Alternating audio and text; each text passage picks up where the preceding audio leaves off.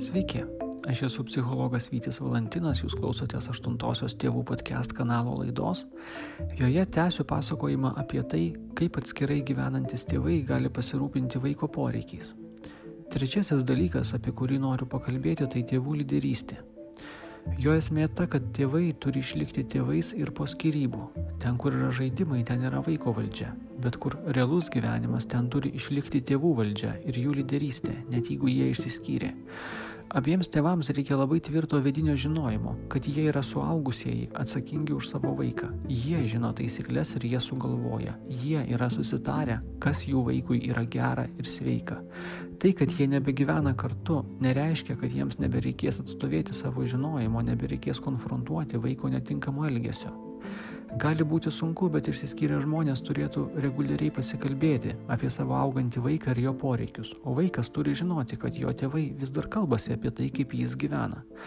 Tėvams išsiskyrus ir turint skirtingus standartus, kaip vaikas yra auginamas, vaikai išgyvena labai didžiulį nerimą. Jie jaučia, kad nebėra vieningai reguliuojami, todėl bando patys reguliuoti suaugusiuosius.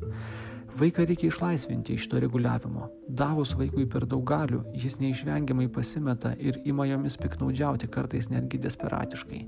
Jeigu šitaip atsitiko, neišsigaskit, jūs ne vieninteliai. Į šitą uolą prasiskelia galvas daugelis išsiskyrusių porų. Reikia leisti vaikui pajausti, kad yra gyvenimo situacijos, kur vaikai neaiškina, kaip viskas bus ir nereguliuoja. Mažam vaikui būtinai reikia vieningos struktūros ir ribų, kurias nustato suaugusieji. Mama ir tėtis turėtų pasakyti vaikui labai tvirtai ir jautriai, kad jie yra sutarę dėl svarbiausių taisyklių ir jų laikosi. Tai yra tebėra jo tėvai. Ir šių tėvų reikia klausyti. Jie priima sprendimus dėl vaiko sveikatos ir pareigų abiejose namuose.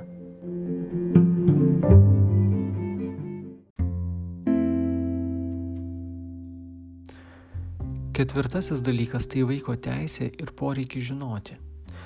Tėvams svarbu leisti vaikams užduoti klausimus apie savo tėtį ir mamą ir gauti jų amžiui pritinkantį paaiškinimą, kasgi atsitiko, kad tėvai nebegyvena kartu.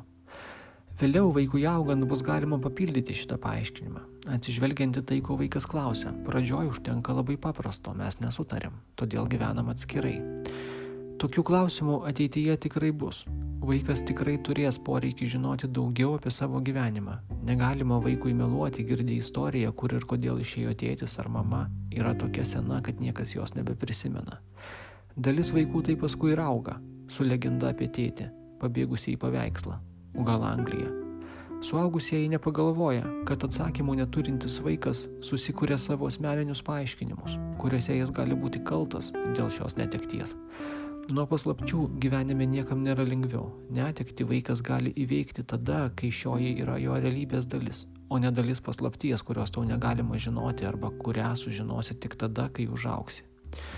Psichoterapijos praktikoje būna atveju, kai klausti apie nesančius tėvus vaikystėje yra visiškai nelegalu, negalima. Suaugę visiškai negeba papasakoti vaikui tiesos. Vaikas tada tampa kaltas dėl savo natūralaus poreikio žinoti ir bausmė atlieka savo viduje. Nežinia, iki tam tikros akimirkos vos juntama, staiga tampa siaubinga. Negalėdami iškovosti savo tebetylinčių, apdairiai meluojančių ar jau dėja mirusių globėjų, žmonės samdosi detektyvus ir ieško artimųjų. Tavo atėjimo į pasaulį istorija, kuri prasidėjo dar prieš tau gimstant, yra vienas iš pačių svarbiausių dalykų, kurį kiekvienam žmogui reikia žinoti apie save.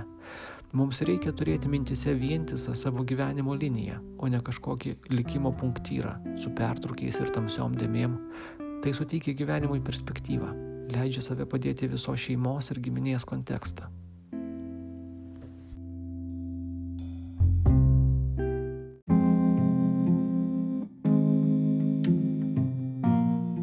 Penktasis dalykas - jausmų legalumas. Vaikui reikia leisti ne tik klausti, bet ir jausti mamai ar tėčiui tai, ką jisai jaučia.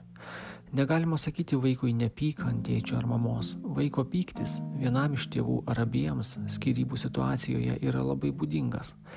Kartais jis būna nukreiptas į tą, kuris lieka gyventi kartu, kartais į tą, kuris gyvena atskirai, bet dažnai jis būna labai labai stiprus. Vaiko pyktį būtina išklausyti, pavadinti, legalizuoti, tai yra paaiškinti, kad taip jaustis yra suprantama, normalu ir susijęti su gyvenimo aplinkybėm. Visi kiti jausmai taip pat turi būti legalūs. Vaikas neturi būti kaltas dėl to, kad jam liūdna, ilgu ar neramu.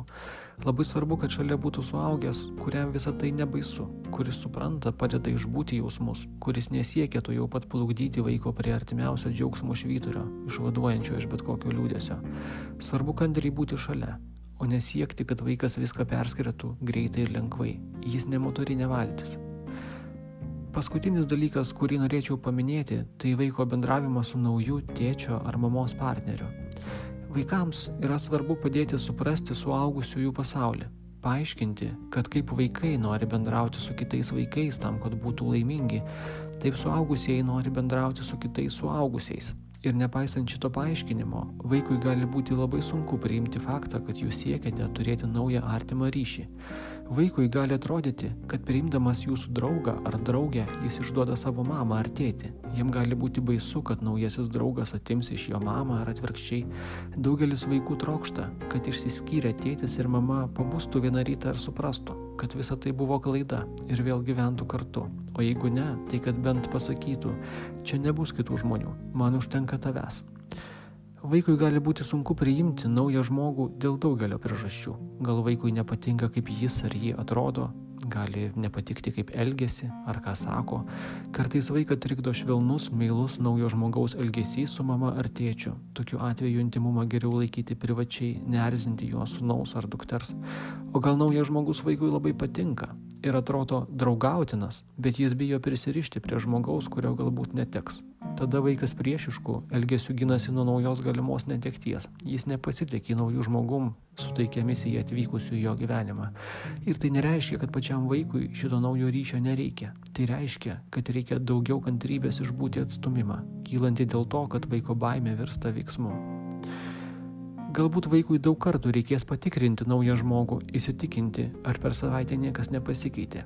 Gal jis išlindo trumpam, kaip gegutė iš laikrodžio, gal kukų ir jo nebebus. Juk dažnai ir patys suaugusieji nėra tikri, o šis naujas ryšys, ar jis bus ilgalaikis. Jiems sunku pamatyti savo vaiką šiame ryšyje, suvokti jo vietą jame. O ką tada daryti pačiam vaikui? Plaukti, tai yra bendrauti jis gal ir moka, bet bijo šokti į upę pilną piranijų. Ir čia nėra vieno patarimo, ką daryti, nes tai gyvenimas, didžiulis kaip traukinys, atžvanga, nustebina ir tenka susivokti, kur dabar lipsiu, kur važiuosiu. Tikriausiai tiek tad labai trumpai dalykų, kuriuos norėjosi pasakyti šią temą. Skirybos ir vaikams, ir suaugusiems yra nelengvas tranzitinis pereinamasis laikotarpis, kuriame daug nerimo ir neapibrieštumo. Jeigu yra taip, kad nebesusigaudote, žmogiškai nebežinote kaip elgtis, ieškokite, su kuo galėtumėt pasitarti. Daugelis vaikų psichologų ar psichoterapeutų turi specifinių žinių, kuriomis gali pasidalinti, jeigu jūs ateisit. Ačiū, kad klausėt. Kviečiu Jūs pamėgti mūsų paskyrą socialiniuose tinkluose, kurią rasite įvedę pavadinimą Psichologinė pagalba vaikui ir šeimai. Joje galite rasti ir kitas rubrikas, pavyzdžiui, vaikų literatūros apžvalgas rubrikoje Biblioterapijos lentyna. Šį podcastą galite prenumeruoti Apple Podcasts, Spotify, SoundCloud ir kitose platformose. Lauksiu Jūsų atsiliepimų, laiškų, elektroniniu paštu vytis.valantinas eta gmail.com. Iki.